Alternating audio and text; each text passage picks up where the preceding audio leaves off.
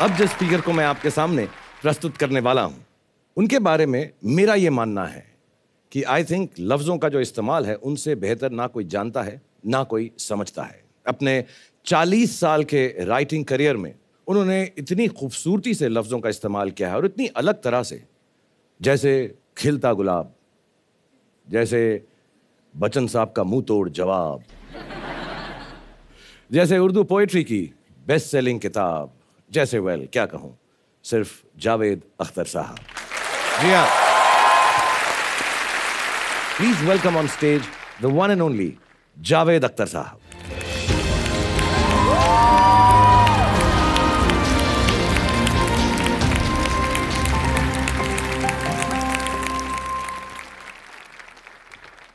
दोस्तों टॉपिक बड़ा दिलचस्प है और मेरे दिल के बहुत करीब है।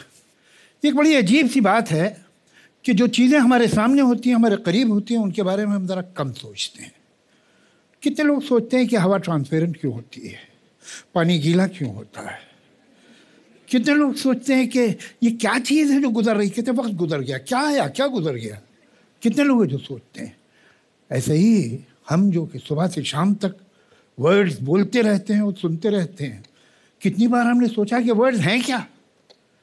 ये बड़ी अजीब चीज़ है वर्ड्स आप एक बात देखिए, एक जानवर है, उसे देख के मैंने तय कर लिया, कैट है। अभी कैट तो साउंड है, कैट का इस जानवर से कोई वास्ता नहीं, लेकिन मैंने तय कर लिया, कैट।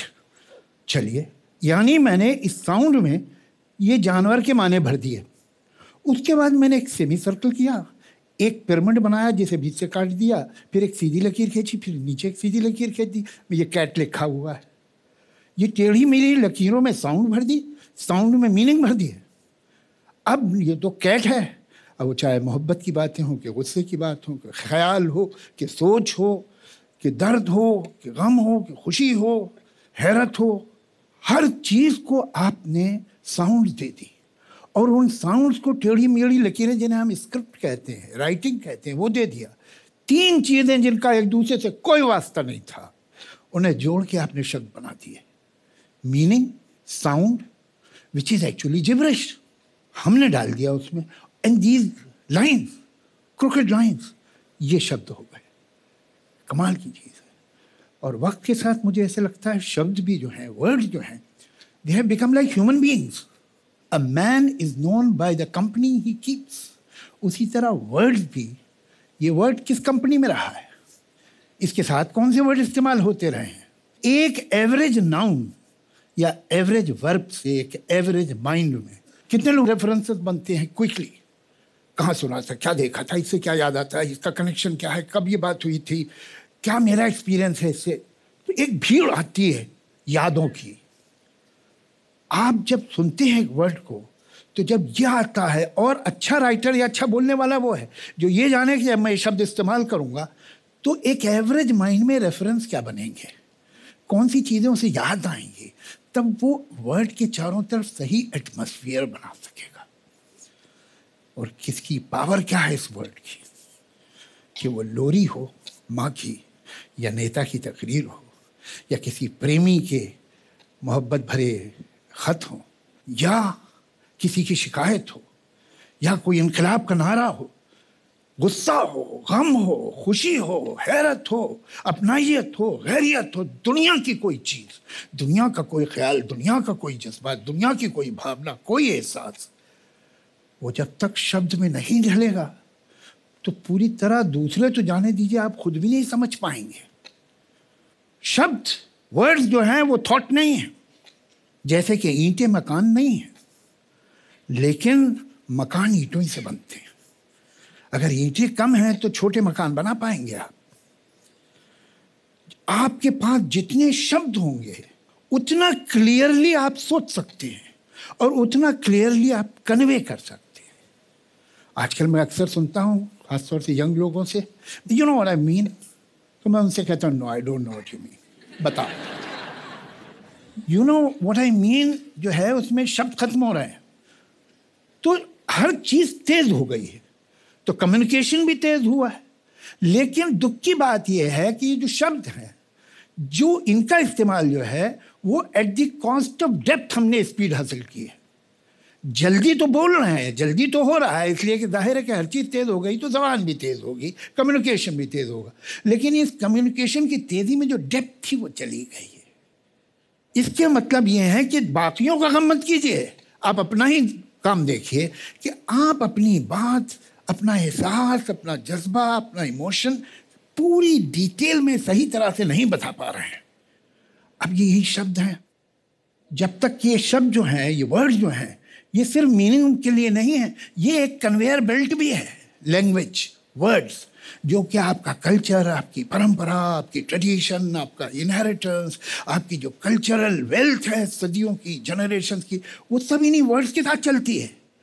इंसान को एक तरह के वर्ड से काट दीजिए वो एक कल्चर से कट जाएगा वो एक हिस्ट्री से कट जाएगा।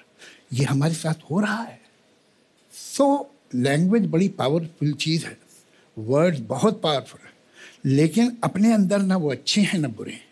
अगर हम शब्दों से मोहब्बत शुरू करें और हम जाने कि इनकी ताकत क्या है इसलिए कि दुनिया में जो कुछ हुआ है वो तो वर्ड से ही हुआ है। और वरना होता ही नहीं। हम में और बाकी जो क्रीचर्स हैं, जो जानवर हैं, हम भी जानवर हैं।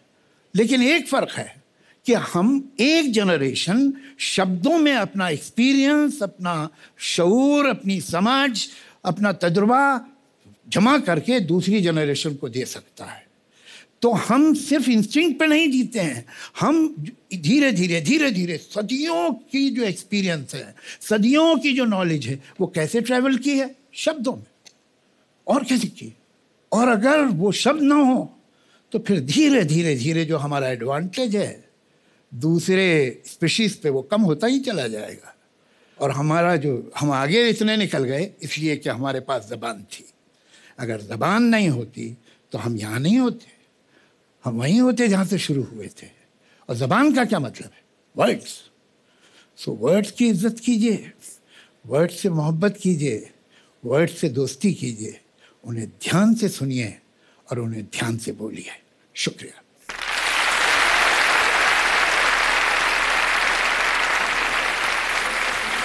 थैंक यू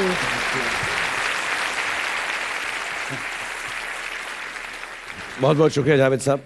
आप यहाँ पे हमारे बीच में आए और इतनी अच्छी अच्छी, खूबसूरत बातें आपने कही। जावेद साहब को मैं तब से जानता हूँ जब से मैं मुंबई आया हूँ, तकरीबन 25 साल हो गए। और मैं बहुत छोटा था। हाँ। अभी भी छोटे ही हैं सर आप। मगर uh, मेरी बहुत सारी एजुकेशन बहुत सारे ख्याल बहुत सारी चीज़ें जो मैंने सीखी हैं वो जावेद साहब से सीखी हैं। एक छोटा सा किस्सा बताऊँगा मैं आपको इनके बारे में कि एक बार ही हमसे बहुत नाराज़ हो गए थे। हम एक फ़िल्म इनके साथ काम कर रहे थे। इनको कभी कभी नाराज़गी हो जाती है जब हमारे जैसे अनपढ़ लोग इनको सजेशन देते हैं कि यार जावेद साहब ये वाला अगर वर्ड हो तो हमारी फ़िल्म का नाम था कुछ कुछ होता है। और तो इनको लगा ये टाइटल ठीक नहीं है। और बहुत नाराज़ थे हमसे। तो एक बार एकदम गुस्सा हो गया और हम सब बच्चे ही थे, और अभी भी हैं जावेद साहब के हर तरह से, सीखने में भी, उम्र में भी। और इन्होंने ऐसे नाराज़ में, यार, तुम लोग जो ऐसा कर रहे हो, ये ले लो यार तुम कि अब तो मेरा दिल जागे ना सोता है, क्या करूँ? हाय, कुछ कुछ होता है, ये चाहिए तुम्हें, ये लो। हाँ। और जो एक्चुअली वर्ड्स हैं उस गाने के, जावेद साहब ने ऐसे ही गुस्से में हम पर फेंक दिए थे। और वो गाना इतना चला तो जब ये गुस्से में वर्ड्स फेंकते भी हैं तो वो जो हैं एक्चुअली गोल्डन वर्ड्स बन जाते हैं। सो so, इनकी ये खासियत है। देखिए जो किस्सा सुनाया शाहरुख साहब ने बिल्कुल सच्चा है। ये जो था टाइटल कुछ कुछ होता है ये ज़रा मुझे मैं चौंका मुझे कुछ थोड़ा लगा कि डिग्निटी इसमें कम है। तो इसका वैसे मैं आपको ईमानदारी से बताऊँ मुझे दुख बहुत है कि मैंने इतनी सुपर हिट और इतनी अच्छी पिक्चर छोड़ दी टाइटल की वजह से। तो आई लव द फ़िल्म तो बाद में मुझे भी बहुत शर्मिंदगी हुई कुछ उसे भी दुख हुआ तो हमने कहा चलो ठीक है जो हो गया सो हो गया अगली पिक्चर में करेंगे।